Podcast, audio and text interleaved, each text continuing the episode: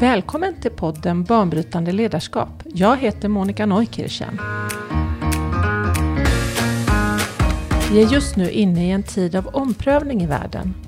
Nu behövs ett ledarskap som både vågar och kan bryta invanda tankemodeller, verksamhetsmodeller och affärsmodeller. Det behövs ledare som vågar och kan bryta ny mark och tänka nya tankar.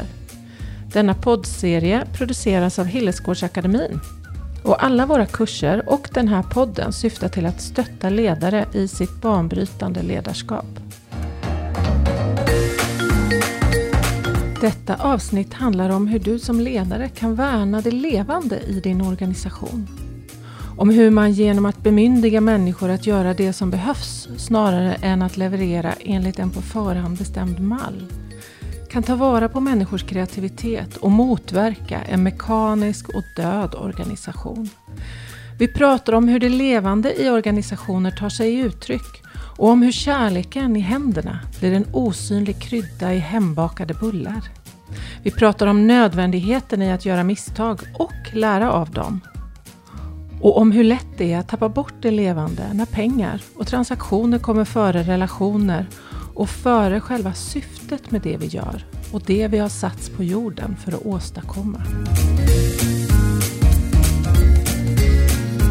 Jag har idag med mig Karl-Erik Edris som är filosof och Jan Eriksson, verksamhetschef på Friskis och Svettis i Täby. Ja, välkomna hit Jan och Karl-Erik till Coworking Community in The Castle i Gamla stan där vi sitter just nu. Eh, jag tänkte att vi kan ju börja det här poddavsnittet med att du Jan presenterar dig själv lite. Vem, vem är du? Gärna det, kul att vara här förresten. Ja. Fin adress nära slottet. Eller hur? Underbart. Jo, men jag heter Jan Anders Georg Eriksson. Folk brukar fråga varför säger alla namn för? jag är väldigt stolt för mina namn. Framförallt Georg, för det är, har alla män i min eh, släkt hetat sedan många, många år tillbaka. Ehm, för tillfället så är jag verksamhetschef på en liten verksamhet, eller en liten förening som heter Friskis och Svettis i Täby. Och Friskis och Svettis i stora hela, det är just nu Sveriges största idrottsförening. Vi kommer ju prata om att som ledare värna det levande i organisationer. Och eh, du Jan, man kan väl ändå kalla dig en ringräv som ledare inom näringslivet och nu de senaste åren i en idéburen organisation. Eh, kan du berätta lite om ditt, ja, hur det började helt enkelt? Ditt, din karriärbana? Början för mig kommer jag aldrig glömma. Vi talar om arbetslivet. Det var en solig sommardag 1977. Det var en arbetsmarknad som var väldigt besvärlig. Jag gick ut från gymnasieskolan då. Så att det dök upp ett jobb på Alfred och Kronholm på Saltmätargatan i Stockholm som postbiträde. Det innebar att man delade ut post, interna posten och hämta paket och sådana saker då. Det var bland de bästa jobbet jag hade.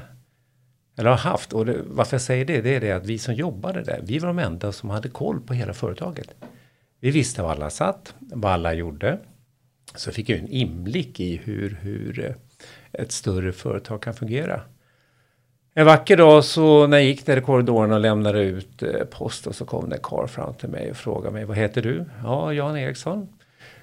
Herr Eriksson sa han till mig. Vad säger du om att få jobba nere i yrkesbutiken? Det fanns en yrkesbutik på bottenvåningen. Nej, men det skulle vara jätte, jättekul. Den här personen hette Hardy Holmberg. Och här talar vi alltså då slutet av, eller början på 80-talet, slutet på 70-talet. Han är fortfarande en av mina starkaste mentorer. Han lärde mig saker redan då som jag faktiskt bär med mig idag när vi talar om banbrytande ledarskap. En person som då hade väldigt hög titel. Men för honom var arbetet och ledarskap genom människor det viktigaste. Men, så det, ja, vi kommer säkert komma mm. tillbaka mm. det. Ja, och efter den här starten på din karriär har du vad jag förstår haft många höga poster inom näringslivet. Du har varit marknadschef, VD, försäljningsdirektör eh, i många olika bolag och så. vad kom det sig att du tog dig an rollen som verksamhetschef på, på Friskis och Svettis? Och det är ju så, Friskis Svettis, jag har alltid varit engagerad där. Eh, dels som ja, funktionär, ledare och sådana saker. Sen har jag alltid brunnit för föreningslivet. Jag tycker det, det är ju väldigt stor kraft i Sverige. Och alltid tyckt att de, de värderingar de står för är fantastiska. Sen så har jag väl alltid kittlats över att prova på mina ledaregenskaperna just en, i, en idéburen verksamhet som just Friskis och Svettis. Så att det hade jag satt på, på en plan, min individuella plan. Att nu vill jag lämna näringslivet, jag vill lämna kvartalsekonomin och prova hur mina, se hur mina ledaregenskaper fungerar i en idéburen verksamhet, en stor verksamhet. Och det är ju precis tvärt som jag har haft erfarenhet tidigare. Att leda en, en, stor verksamhet som VD på ett företag som dels är eh, börsnoterat, där du kan sträcka med högra handen och få människor att göra det du säger. Till att då be människor göra saker och ting som det är en ideell verksamhet. Hela ideella verksamheten bygger på att människor gör det för att de vill. Inte för att de måste. Och det har jag nu gjort i totalt sex år. Och tycker det är fantastiskt. Vi ska ju prata om att värna det levande i organisationer. Vad är det för någonting? Hur kan man se på en levande organisation eh, jämfört med en organisation som inte lyckas behålla det levande? Du kan ju faktiskt gå på två snarlika restauranger med snarlika utbud, snarlika priser. Men du kan få två helt annorlunda upplevelser. Och då är frågan, varför får jag det? Det är inte så att det är något yttre väsen som har skapat det, utan det är organisationsformen. Ägaren där du var och käkade kanske fick en positiv upplevelse. Bestämde sig att upplevelsen för mina anställda när de serverar maten är viktigare än avkastning på varje tallrik jag sålt. Alltså förstår jag tänker? Ja. Det, det, ja, pengarna kommer sen som ett ja, kvitto ja. på att folk har känt att här är det bra. Men de gör samma sak, det är samma kök, det är samma tallrikar, men det är två skilda upplevelser. Ja, och då, då får ju associera till en annan sak när det gäller det där. Jag funderade över varför det var godare med hembakade bullar än med maskinbakade bullar även om det skulle vara samma ingredienser. Och då är det liksom kärleken i händerna som blir som en osynlig krydda i de hembakade bullarna. Det är någonting. Va? Och det känner man också i hus. Jag vet när jag var på Söder och kom det här Bofils båge där Eh, och det, det såg ju vack, var ju vackra former men när jag gick där första gången så kände jag ja men det här känns ju dött.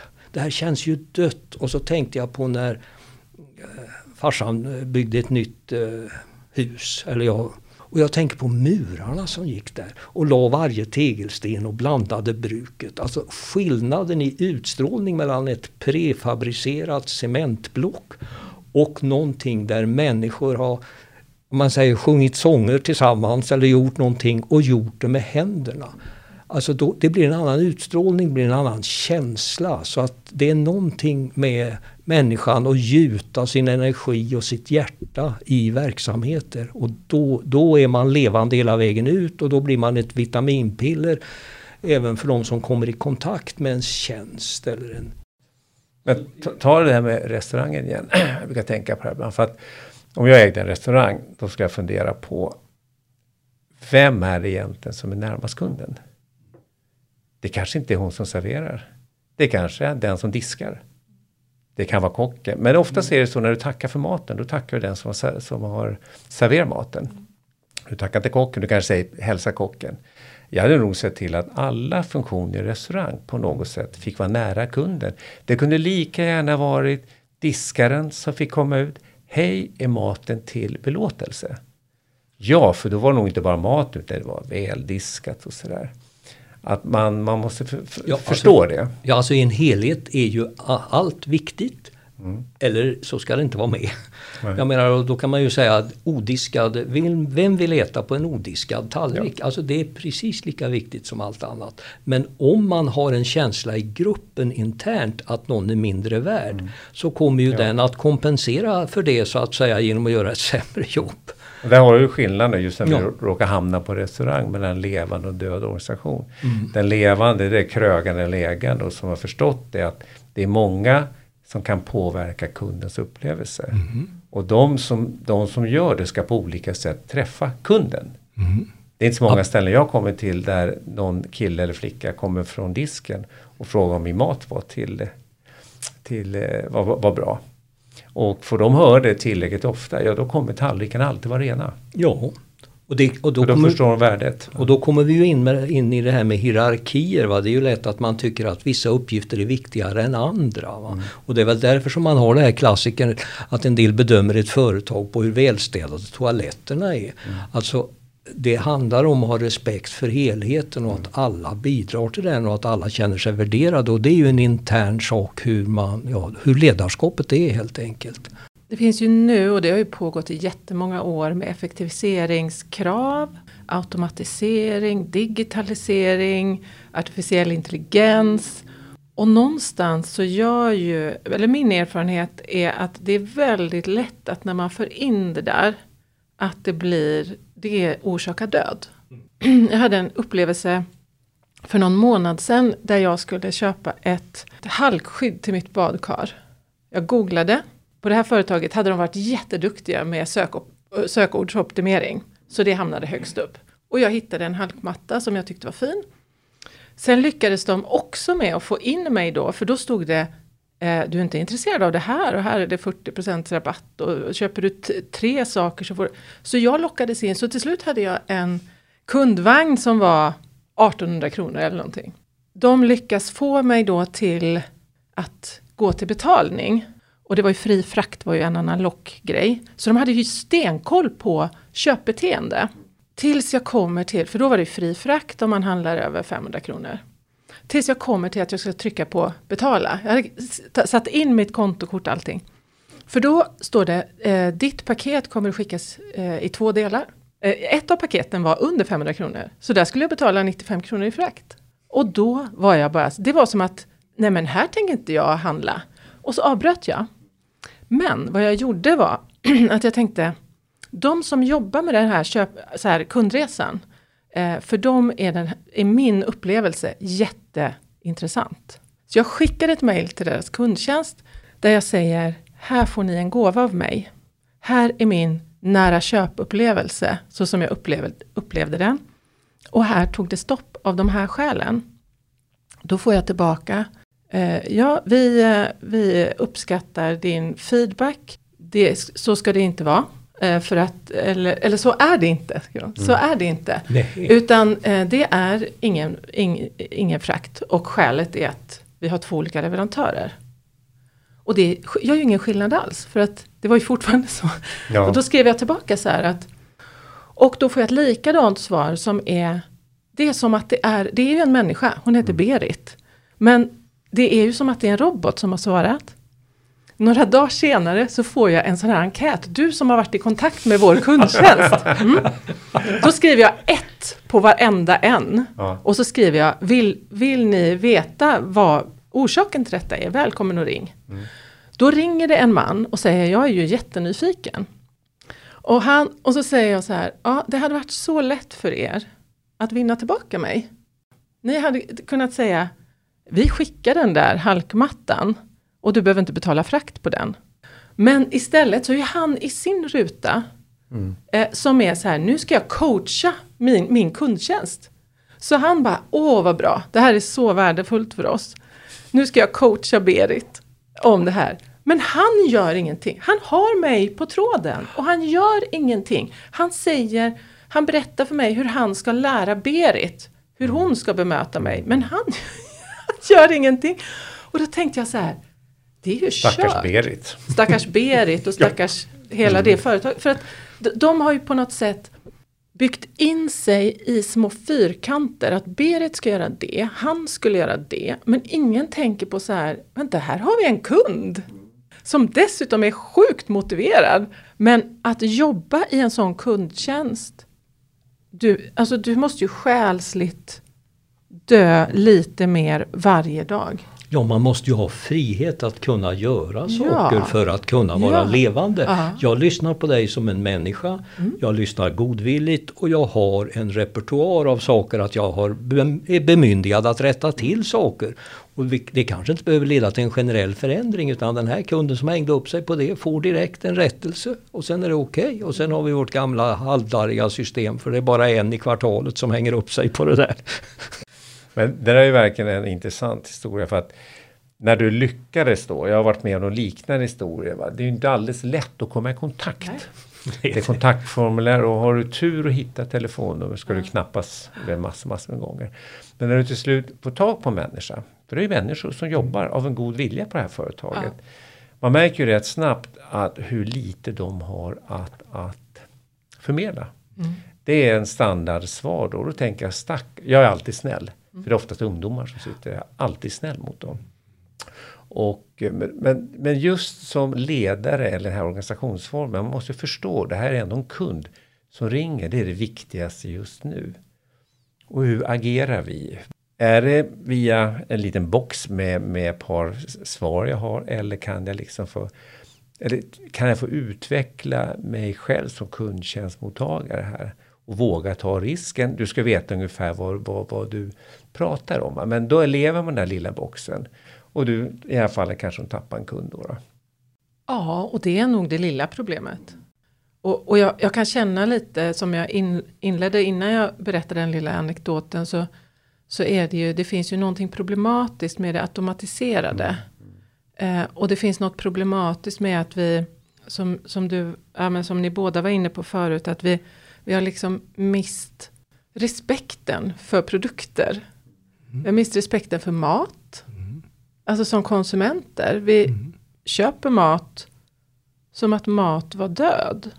Men den är ju producerad av någon. Det är någon som har vattnat, det är någon som har plockat, det är någon som har... Alltså det är ju ett djur som har dött. Alltså det, mm. det finns så mycket liv i ursprunget av ting. Men vi, i och med att det finns ett sånt överflöd och vi är så disconnectade med, med produktionen. Ja, alltså e- äta ägg utan att tacka hönan kan ja, man säga. Ja. Alltså det, jag är ju uppväxt på en bondgård ja. så jag vet ju hur det är där. Slitt om hårt för att jag skulle äta ägg.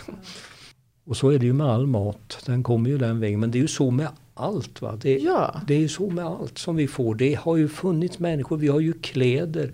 Ja det har suttit folk och sytt eller varit mm. i olika typer av processer för att få skjortan som jag har och se mm. ut som den gör. Va? Mm. Och som aldrig får möta Nej. någon. Nej. Och, det... och, och, och, om jag inte ens möter en människa när jag köper den där skjortan. Nej. Jag får bara möta en maskin mm. på en skärm. Som inte ens kan svara. Jag, jag, kan inte ens hitta fram till en person. Eh, så blir det så. Du var inne Jan på mötena. Mm. Alltså det är otroligt viktigt det vi är inne på nu för det här har ju helt och hållet med att vara levande att göra. Att vara levande inombords och egentligen kräva liv runt om. Alltså ja. man vill inte bli betjänad av något dött. Nej. Utan känna kontakten med det levande både innanför och utanför sig själv. Och det finns en sprängkraft i detta. Jag tänker, vi, vi har ju de här affärsmodellerna vi har nu och e-handeln är ju förmodligen här för att stanna. Det kan nog vara rätt rörande. Ensam. Jag tror ändå det finns och det finns både levande och döda organisationer även e-handeln. Den upplevelsen du hade, eh, jag kan kontra med en annan som i princip gjorde samma sak. Men här kommer den stora skillnaden. Eh, efter jag hade placerat ordern, då tror jag det tog en dag. Så ringde en person till mig. Hej, vi ringer från företag X. Vill bara dubbelkolla att din order och är korrekt och att du vill ha leveransen dit. Jag var häpen. Ja, tack. Så då var på luren. Det var ett sätt att säkerställa relationen med kunden. Då, I den organisationen där man ändå hade sett till att de som plockar order och de som tar emot ordern att vi gör som så en timme varje dag. Jag säger inte att det är så, men det kan vara så. Så ringer vi de människorna som har placerat en order. Det tar 20 sekunder. Då fick det här företaget liv av en människa. För, för, och jag tror att det är så lätt. Så vad är motkraften? Alla vill väl vara levande? Ja, det, men är det inte penningens välde över oss? Man tänker ja men det gick 20 sekunder när personen kunde ha gjort något jag annat. Jag tror det handlar om kreativiteten. Att återigen vi börjar samtalen med här, det, det är ju liksom Det är ändå människor som skapar den här tjänsten, den här produkten, den här hemsidan, den här plattformen. Och då måste de bestämma sig. Till vem gör vi det här? Är det i det här fallet till, till konsumenter då, då? Hur kan vi komma igenom den här barriären att bara vara e-handel? Ja men vi, alltså problemet är väl generellt. Jag tänker så här att e-handeln är ju en sak. Men jag tänkte att det som får en tendens till effektivitetstänkande och inte utnyttja folk för mycket och minimera saker och så vidare. Att det har med penningen att göra. Att vi tänker först på pengar. Om vi tänkte först på personliga givande levande relationer så skulle pengarna, skulle vi inte behöva oroa oss lika mycket för pengarna för då skulle vi få den uppskattning som omsätts i pengar. Jag, jag tror det är någon slags, delvis någon slags penningkramp och det, att det är en indikation på att eh, det egna inre livet inte är tillräckligt Nej. Eh, starkt utan man tycker att det är rationellt eller det förväntas av mig att jag skoningslöst rationaliserar och pressar in folk i förtänkta mallar och så vidare. Utifrån dina erfarenheter som ledare, Janne, eh, vad tycker du är viktigt för att bevara det levande i den organisation du leder? När man ska få människor verkligen vara levande och det jag sa tidigare att du har ändå de flesta majoriteter av individer vill väl. De vill göra väl på arbetsplatsen. Då ska man inte börja med att göra så här otroligt omfattande arbetsbeskrivningar. Det finns ju liksom två, tre, fyrsidor där det står exakt vad du ska göra och inte göra. Och det är klart, då målar du in en väldigt fyrkantig verksamhet där, där oavsett om du jobbar på lager eller kundtjänst eller säljare då. Det här är exakt vad jag ska göra och inte göra. Jag hävdar att man inte ska ha arbetsbeskrivningar. Du kan ha en funktionsbeskrivning på ett par, par rader. Det kan vara företagets affärsidé eller syftet med varför det finns. För då kommer det per automatik till slut och man hjälper varandra, man utvecklar varandra. Men om man eh, tänker den, den organisationen där det funkar då, som du beskriver Jan, också med, med eh, ja, där man inte har en arbetsbeskrivning utan att man tar sig an det arbete som behöver göras. Vad, vad, krävs av ledaren där? För det finns ju också en det finns ju också förväntningar på en chefsroll, att man ska vara tydlig. Och det är ju inte, det är ju inte sällan att det är medarbetaren själv som kommer och säger jag behöver struktur, jag behöver tydlighet, skriv en arbetsbeskrivning åt mig så jag vet vad som förväntas. Ja, det får de inte. Så du får helt enkelt jobba igenom det här i din verksamhet och förklara. Frisk och svettig så ska vi se till att medlemmarna har en bra anläggning att träna i. Och vi har alltså huvudansvar. Men, men det händer saker hela tiden där jag förväntar mig och uppmanar människor att använda din kreativitet. Det är väldigt, väldigt lätt. Och har du en verksamhet, en organisationsmodell som den klassiska triangeln. Då är du van att uppfostra eller gör det enkelt för dig att lämpa över den här frågan uppåt. Då, då. Jag använder själv inte den, den, den organisationsformen när jag beskriver vår verksamhet. Utan den ser lite annorlunda ut. Då, då. Så att, och jag förstår att det finns människor som måste ha struktur. Men jobbar man tillsammans och, och i en verksamhet och förklarar att det är inte vad du gör just nu som är det viktigaste. Det viktigaste är att förstå syftet med vår verksamhet. Och vi är som en cykelkedja. Vi är tajt länkade tillsammans.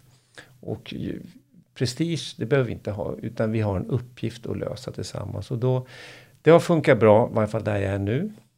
Och jag tycker det är en modell som passar mig väldigt bra när vi talar om de mindre drivkrafterna. Det, för hamnar du hela tiden i det att du, du har en väldigt eh, säga, styrd organisation som väldigt liksom, varje individ har väldigt tajta arbetsbeskrivningar vad ska göra och inte göra. Då kom, för det är alltid frågor, frågeställningar, händelser som dyker upp och då kommer de hamna på ditt bord för ingen vet vad, vilket beslut man kan ta. Jag, jag, av någon anledning började jag tänka på en av mina första ledarerfarenheter i militärtjänsten som artillerist när vi skulle göra vår kanon skjutklar. Att jag hade ju inte lyckats obeka mig tillräckligt för att slippa att bli befäl så jag hade någon slags underbefälsroll där. Och man blir ju lärd att man skulle ge order när man skulle sätta upp hur man skulle göra. Skulle man säga Pettersson fatta lådan och gör sådär. Va? Men vi satte oss ju där och diskuterade och delade upp arbetsuppgifterna efter preferens. Efter ett tag gjorde vi så. Va? Så att de som var långa satte upp skyddsnätet och de som var starka höll på med något. Så vi fick en eh, organisk framdiskuterad upplevelse av hur vi skulle göra när vi kom till den här B-platsen som det hette. Och det var, vi vann ju nästan, vi sköt ju nästan alltid först. Mm. Därför att vi hade gjort på det sättet. Jag fick lågt betyg för att jag inte lydde och inte gjorde som jag borde. Men jag glömmer aldrig det där som var naturligt för mig då att göra så att vi delar upp det här. Och det kräver ju någon slags tillit hos eh, ledaren då att man har skolat in alla tillräckligt för att man ska känna att alla är fullt bemyndigade att göra det som behövs. Och att man litar på folks omdöme.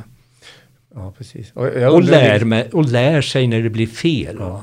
Att det blir lärande när det blir fel istället för att man pekar finger och bestraffar och hånar och håller på. Att göra fel, det är ju enda äh, sättet att göra saker bättre. Ja. Men jag vet vid ett, ett av mina arbeten som jag hade tidigare. Jag kom in i den, den rollen och agerade precis som jag alltid gjort tidigare. Men då hände det direkt när jag kom dit och så par månader efteråt att det kom personal då så kan jag göra så här? Kan du skriva på här? Och så jag frågasätter varje gång, varför det? Eller kan du fråga, vad tycker du? Kan vi göra så här? Ja, vad tycker du? Ja, vi ska göra så. Men varför frågar du mig? Ja, det har vi alltid gjort. ja, men då är det hög tid att ändra på det nu. Så att, så det, det, det, var, det, var, det var intressant, för då började jag liksom med att titta på alla dessa arbetsbeskrivningar, tog bort dem. Två rader bara. Och liksom ta beslut själv. Fråga Janne, i synnerhet om du redan vet svaret ja, själv. Och, kom, och kom inte till mig. Misstag, inga problem. Det är det vi lär oss av. För den dag vi inte gör misstag, då är vi inte ute på okänd terräng. Vi måste göra misstag för att ja, putta oss rätt eller utvecklas. Ja, och det finns ju personlig utveckling och utveckling för organisationen. Det, båda dimensionerna finns ju i felgörandet. Ja, men det vi säger nu är ju att vi ska egentligen inte som, ha ledare som inte kan omfatta med sitt hjärta den grupp som man är ledare mm. för. Så att man liksom känner det här som en helhet. Det här det, mm. ja, det får inte vara dött. Man säger att ja, det finns någon avdelning där, jag känner inte igen dem, jag vet inte hur det är. Alltså att det ska vara en, en, en varm känsla av att det är vi som gör det här tillsammans. Ja. Och det är människor som gör saker tillsammans, inte vad som står på papperslapp. Nej i form av arbetsbeskrivning. Men det, men det är den omfattandet med, i känslan av gruppen som gör att de enskilda gruppmedlemmarna, om den är ärligt känd, uppfattar att jag är en värderad del mm. av den här gruppen ja. och jag förstår varför det som jag gör är viktigt. Och ja, och så vidare. Så att jag känner mig som en del. Och jag är saknad för ja, det här. Ja. Man ska veta varje dag man kommer att jag behövs för, idag med. För det kan nog vara så att det är lite si och så med den inlevelsen och det omfattandet. Och där kan man säga att där börjar en död på marginalen då. Om man har ett ledarskap som inte har detta. Att man omfattar och bryr sig om varandra mm. Eh, som levande människor. Och då sjunker kvaliteten i de tjänster man gör och, och man får någon slags, eh, ja det blir kanske som det jag berättade förut. att ta honom du. Att, att det blir någon slags prostitution. Man gör, man gör det man gör för pengarna bara. Men då känns det ju så, det, precis, och det ledarskapet som du pratar om Jan, och den typen av organisation vi eh, liksom försöker eh, beskriva här. Då blir ju syftet blir ju superviktigt. Det är ju det styrmedel, när du inte har kontroll, när du inte har de här papperslapparna liksom som styr och som du ska kontrollera, så blir ju den gemensamma idén, dit vi är på väg, mm. eh, det vi ska åstadkomma för de vi ska åstadkomma det. Det är ju det man har som ledare mm. att styra på. Mm. Det är bärkraften, ja. anser jag. Jag sitter och tänker fortfarande på levande organisationer. Jag började när du frågade mig vad jag har gjort och sådana saker. Så sa jag det att jag, min första mentor fick jag ju där på slutet av 70-talet, början på 80-talet. Och det här var ju ändå en tid där jag jobbade på Alfort och Kronholm då, där det fanns väldigt mycket chefer. Det var ni till varandra stundtals. Men då var det en person då som ändå var hög chef då. då. som var varken banbrytande ledare. Och tänker mycket som jag var som person nu och då. Men jag vet vid ett tillfälle då, så då jobbade jag i butiken då. Det var han som sa att ja, nere i butiken, ja, utbildning, det är bara att läsa på burkarna. Ja, jag läste på burkarna och så.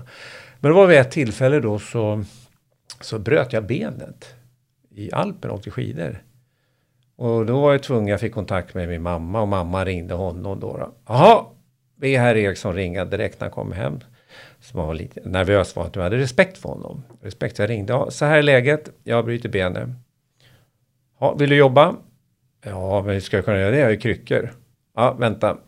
Så ringde han en timme senare. Du får jobba på kundservice. Han som sitter där får jobba i butiken. Där får du sitta, för du vill ju jobba. Ha. Ja, ja, men ett problem till. Ja, vad är det? Jag kan inte åka kommunalt. För jag bodde i, ja, en bit utanför Stockholm då. Jaha, vilket ben är det? Ja, det är, är höger. Är vänster bil då? Ja, perfekt. Du kan ta min bil, min tjänstebil. Så hans ledarskap gjorde att jag måste se till att killen kan jobba. Han vill ju jobba. Bil, ja det behöver inte jag, han kan ta min. Och jag har många sådana saker jag alltid kommer på på honom då. Det gjorde han för många, många år sedan. Tyvärr är han avliden för, för ett tag sedan tillbaka. Och där tog fäste på mig. Ja men tacka för det. Där tog fäste. Det är hur fint Snacka som om helst. prestigelös. Ah. Jag tar tunnelbana, du tar min bil. Så hade vi den om en månad. Jo men alltså i det ligger ju att han förstod någonting om vad du kunde bli. Va? Ja. Alltså det, det finns en... Ja, det, det- det- det, där är det finaste som finns. Det är kraft. Alltså, Ja, ja. otroligt fint. Han var ju sån. Han var ju sån. Han ville hjälpa och han förstod det. Så det Jo men alltså han förstod ju skillnaden. Han förstod ju vad det skulle kunna betyda för dig. Alltså det finns ju en varseblivning där som gör att man kan få en oändlig respekt för en sån klok gubbe. Nu har jag ju så tur att jag träffade honom tidigt i mitt liv. Så det och, ja, jag har alltid Ja, levt tur. med det där. Ja men faktiskt, ja, men det Ja. finns kanske många som tycker att de har så fin titel och varför ska jag hjälpa till och packa kläder då? Det var ett, det företag jag jobbade på tidigare som hade byggts upp av en fantastiskt fin kultur. Av en, en som byggde företaget, drev igång det och gjorde en fantastisk organisation. Det var ju håller på med arbetskläder då. Både i Sverige och på export då. Men där var det ju som så att ja, var folk sjuka nere på laget, ja då fick man väl själv gå ner och packa varorna. Någon måste ju göra det. Och det visade sig bli en fantastiskt framgångsrikt företag. Det var det jag blev VD på sen då. Det var en fantastisk kultur som startade från ägaren. Vi hade inga arbetsbeskrivningar. Nej. Utan alla förstod vad som skulle göras. Eh, under de här åren jag var där tills vi blev uppköpta så hade vi ju absolut de bästa nyckeltalen i branschen. Alla kategorier. Sen blev vi uppköpta av ett bolag då som är verksam i, i, i, på- börsen då. Och där skulle det här företaget då jag jobbar på då, det skulle ju då in i den kulturen då. då. Man förstod inte den starka kulturen, den starka organisationen, den levande organisationen, utan det skulle till alla pris in i det här då. då. Jag kunde inte vara kvar. För så fort, så fort, jag har full respekt för att ägare ska ha avkastning och, och aktieägare ska ha avkastning. Men så fort transaktionerna blir viktigare än relationerna, då vill inte jag vara med. Alltså där kom du in. Jag satt och tänkte just på den här frågan. Vi har ju stora företag men människan fungerar ju så att den här typen av levande grupper det är där vi presterar bäst, det är där vi mår bäst, det är, ja, det är där liksom kärlekskraften i oss utnyttjas. Hur ska man kunna växla upp det där till stora organisationer utan att förstöra det där genom att det kommer ut något dekret från eh, företagens motsvarighet till högsta Sovjet. Alltså det, det är inte lätt. Att man måste då, men då är återigen detta att det beror ju på ens egen personliga mognad om man kan uppleva eller veta att detta måste finnas i mitt företag. Man skulle egentligen inte på toppen av de här stora företagen ha personer som har bara det torra penninghjärtat Nej, så att säga. nej. Utan man måste ha det här levande, levande hjärtat för det mänskliga. Och bevara det i alla, på alla nivåer. Och att så fort man tappar den känslan då går det åt skogen någonstans. Någon betalar ett pris då. Jag menar vi, om man ser på vad som betalar priser nu så är det människor mår ju dåligt. Sjukdom, orättvisor, naturförstöring. Alltså det är pris som vi betalar för att vi inte håller det här levande. Vad, hur, vad, vad det är vi mår bra av och hur det ska fungera för att relationer ska vara som de ska vara. Eller vad man ska säga. Ja, men alltså min, min mer abstrakta poäng är ju att ekonomin är ju ett slags feedbacksystem.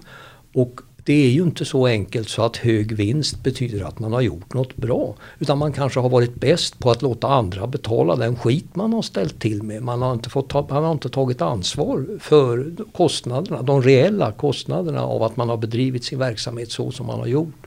Så att man behöver, det behöver ju om man ska ha en bra värld eller arbeta åt det hållet så behöver man ju sluta och tänka kring ekonomin som att det är ungefär som något naturvetenskapligt. Utan det är ju en social konstruktion som vi håller igång. Där en maskin för att göra folk som rikare som redan har för mycket pengar.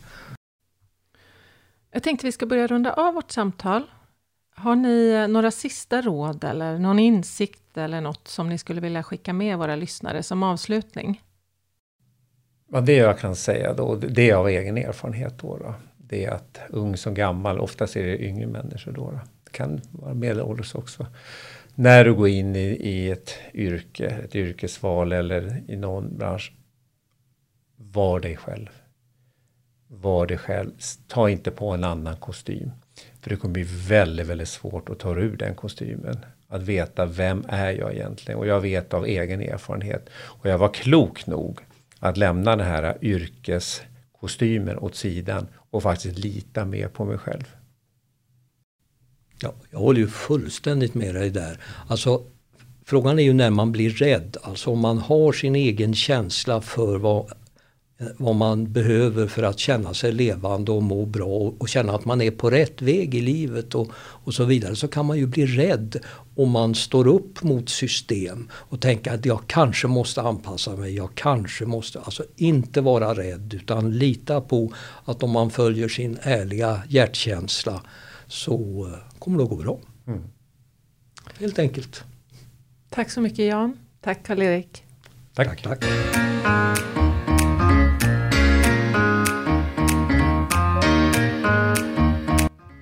Du har hört avsnittet Att värna det levande i din organisation i poddserien Banbrytande ledarskap. Jag heter Monica Neukirchen och med mig idag hade jag Jan Eriksson och Karl-Erik Edris. Vill du veta mer om Hillesgårdsakademin och ledarskapsprogrammet Banbrytande ledarskap så hittar du information på www.hillesgardsakademin.se